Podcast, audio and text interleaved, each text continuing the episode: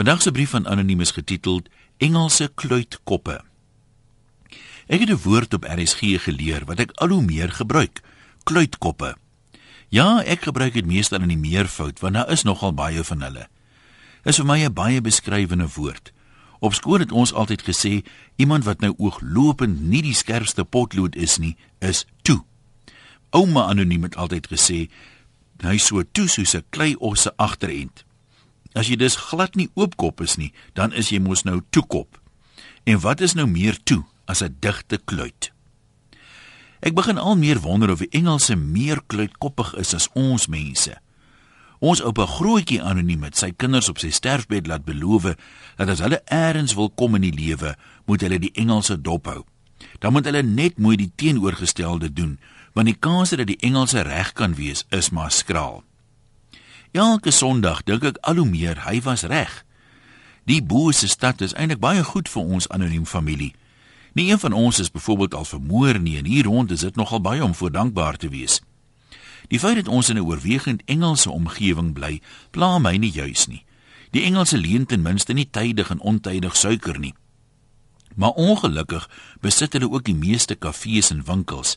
En Sondag kan jy enige denkbare koerant koop Maar as jy die Afrikaanse koerante wil hê, moet jy vroeg roer. Kort na 9 is dit gewoonlik finish.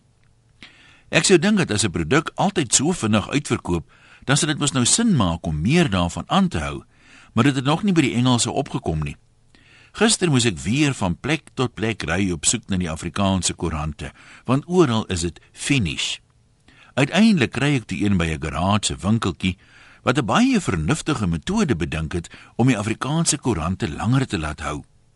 In plaas van om meer koerante te bestel sodat dit eers na kerk uitverkoop, steek hulle dit onder die Engelse koerante weg. Sodoende spoor net mense met ware ondernemingsgees wat bereid is om te soek, soos yours truly dit op. Nou weet ek nie wat dit met die Engelse is nie. Wil hulle dan nie meer geld maak nie? Of kan dit wees dat hulle nog meer kluitkoppig is as Afrikaanse mense. Ek moet nog 'n bietjie luister na die Engelse radiostasies en hoor wat raak hulle luisteraars kwyt. Dit behoort te mense goeie aanduiding te gee van die Engelse se intelligensie vlakke.